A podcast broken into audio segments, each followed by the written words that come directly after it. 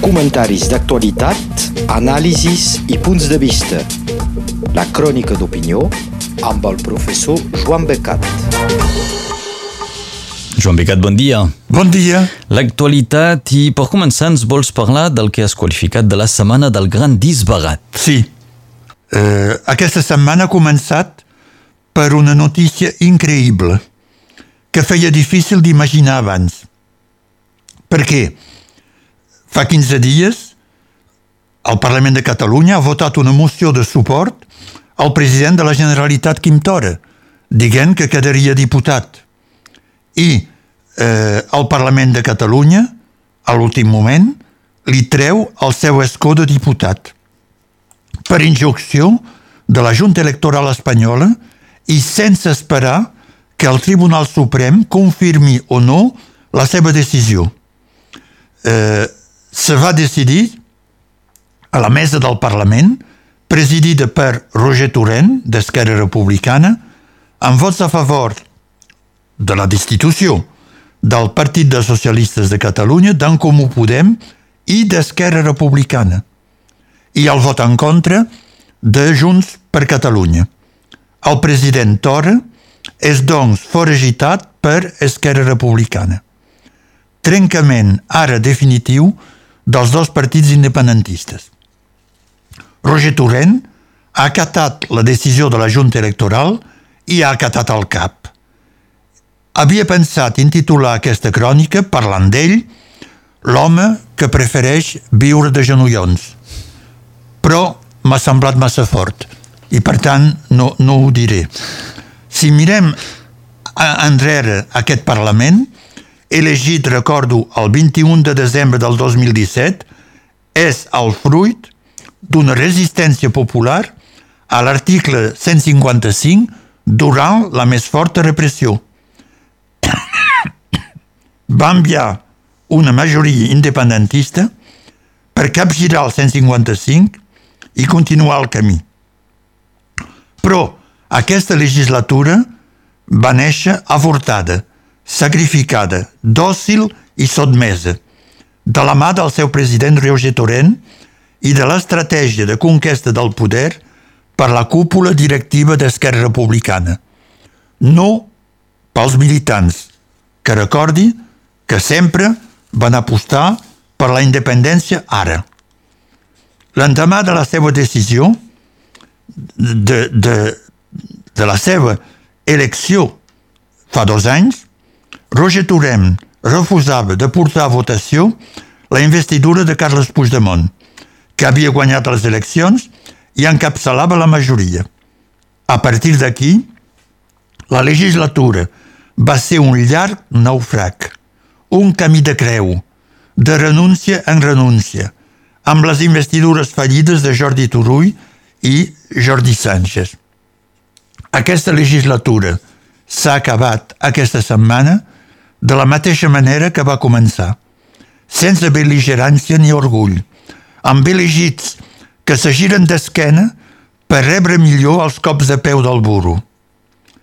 La resposta del president Quim Tora va ser, evidentment, denunciar noves eleccions, però després del vot dels pressupostos, per evitar que siguin prorrogat per un tercer any consecutiu.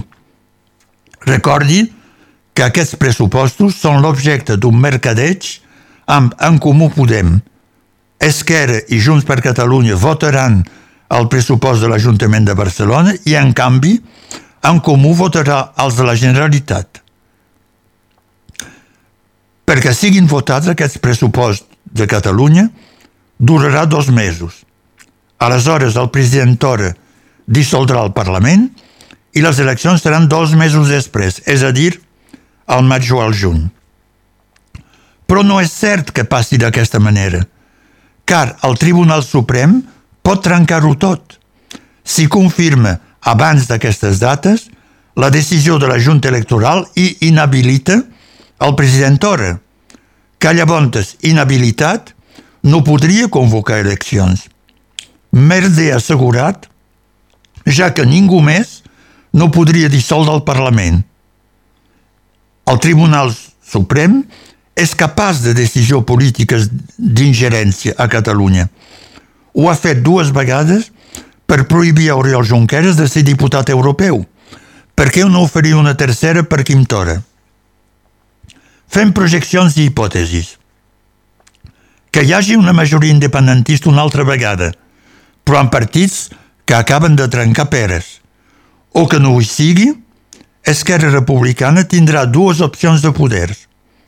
O bé fer un front independentista amb Junts per Cat i amb Pere Aragonès de president, si s'arriben a entendre una altra vegada, o fer un tripartit com ho havia fet Esquerra a l'inici dels anys 2000, amb els socialistes, que han votat el 155 i guarden el seu líder Oriol Junqueras a la presó, i amb En Comú Podem, no és una hipòtesi improbable, perquè acabem de veure aquesta aliança dues vegades durant el mes de gener.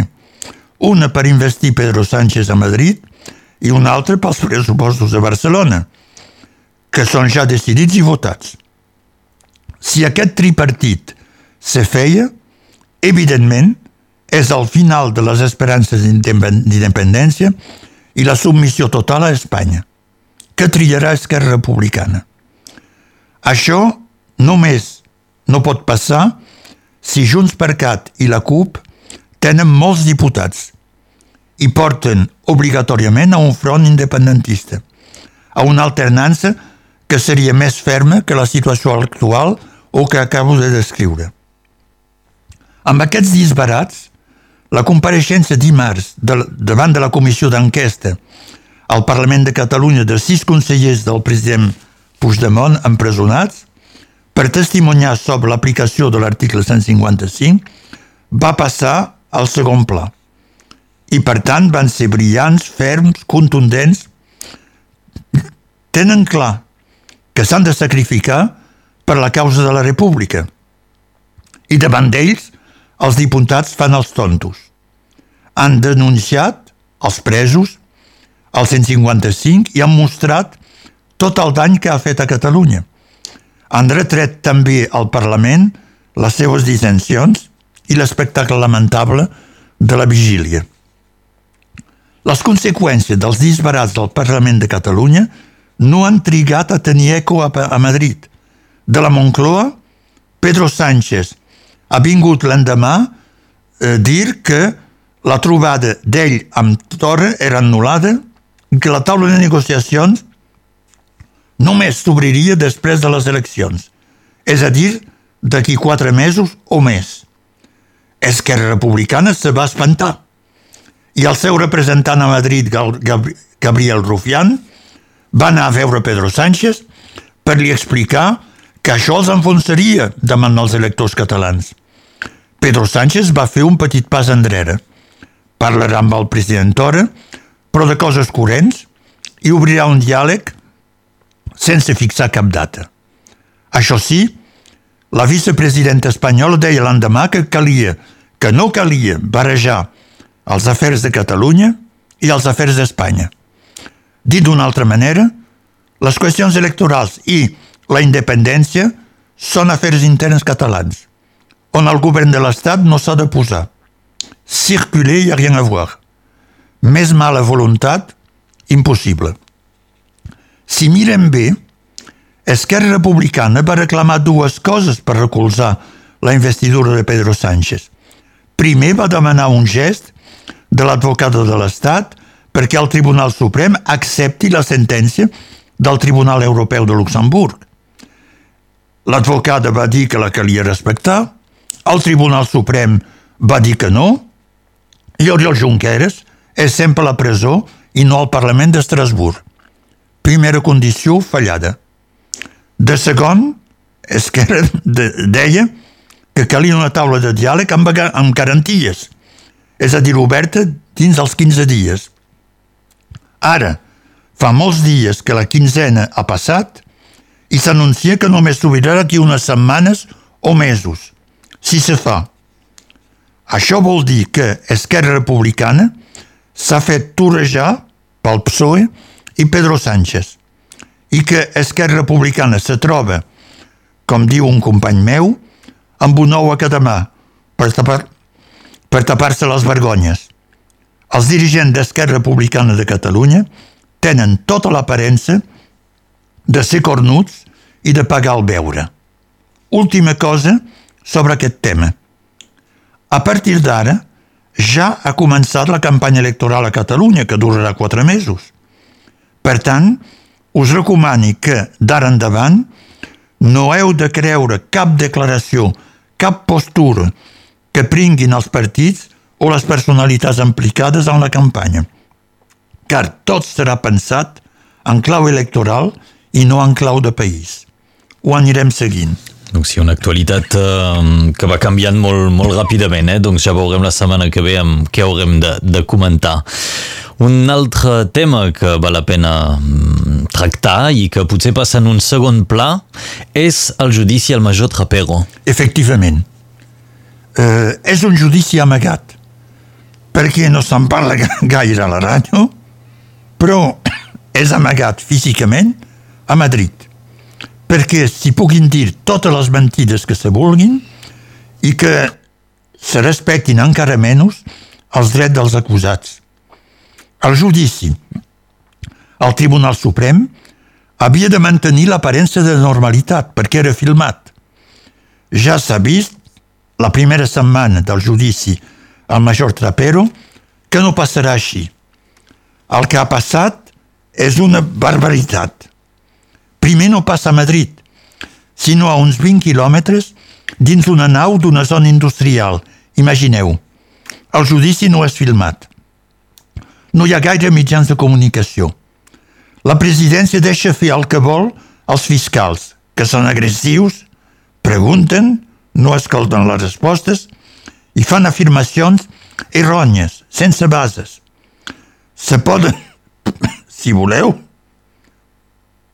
podeu sentir moments del judici a la ràdio o al 324 més aviat, escolteu-ne 10 minuts i sereu fixats.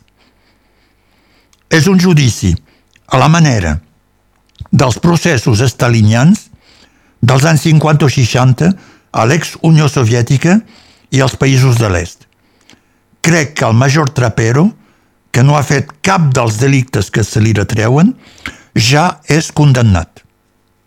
A més, per si això no fos prou, la presidenta del tribunal és membre del Partit Popular i va rebre una condecoració de la Guàrdia Civil. Doncs, tot un model d'independència i de neutralitat a la moda de la justícia espanyola. El joc està fet. La primera setmana han declarat al major Trapero, durant dos dies, i després al coronel de la Guàrdia Civil, Pérez de los Cobos.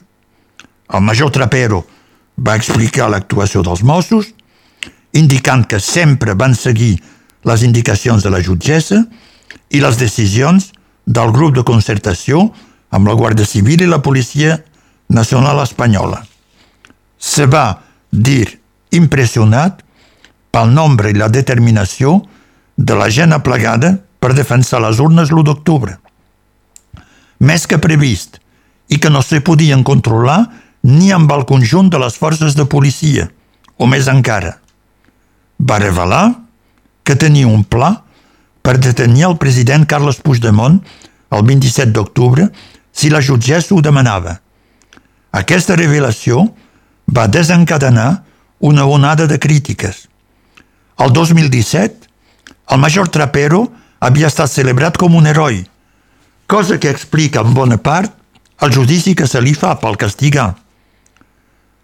Amb, a més a més, la revenja de l'estat espanyol per un policia honest i democràtic i curós de la convivència. Va passar en un dia a ser criticat com a traïdor, quan no és ni l'un ni l'altre. Els fiscals li retreuen als Mossos que no actuessin com la Guàrdia Civil violentment.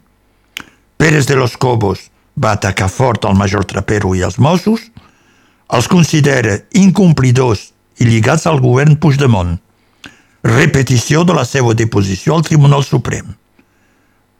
El contrainterrogatori per l'advocada del major va fer vacilar Pérez de los Trobos, de los Cobos, perdoneu, i va admetre que el major Trapero havia complert el que se li demanava a la coordinació policial. Va ser confús sobre el seu paper si donava ordres de repressió o no. Els seus ajudants diuen que sí, ell diu que no. Qui té raó? Menteixen tots dos.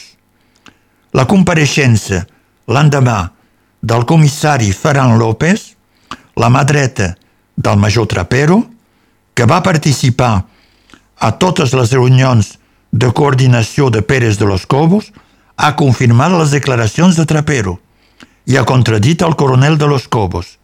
A llavors, aquest no havia criticat mai l'actuació dels Mossos. N'estava informat hora per hora.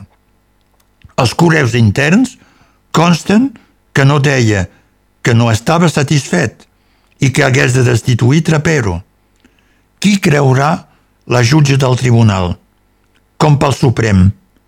Creurà les, els testimonis de defensa, que considerarà com a contaminats i emotius, i només els guàrdies civil que considerarà honestos i neutres quan diuen mentides?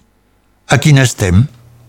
I ho anirem seguint, evidentment, aquí en aquesta crònica, aquest espai d'actualitat cada setmana amb el nostre cronista Joan Becat. Moltes gràcies. Bon dia a totes i a tots. Comentaris d'actualitat, anàlisis i punts de vista. La crònica d'opinió amb el professor Joan Becat.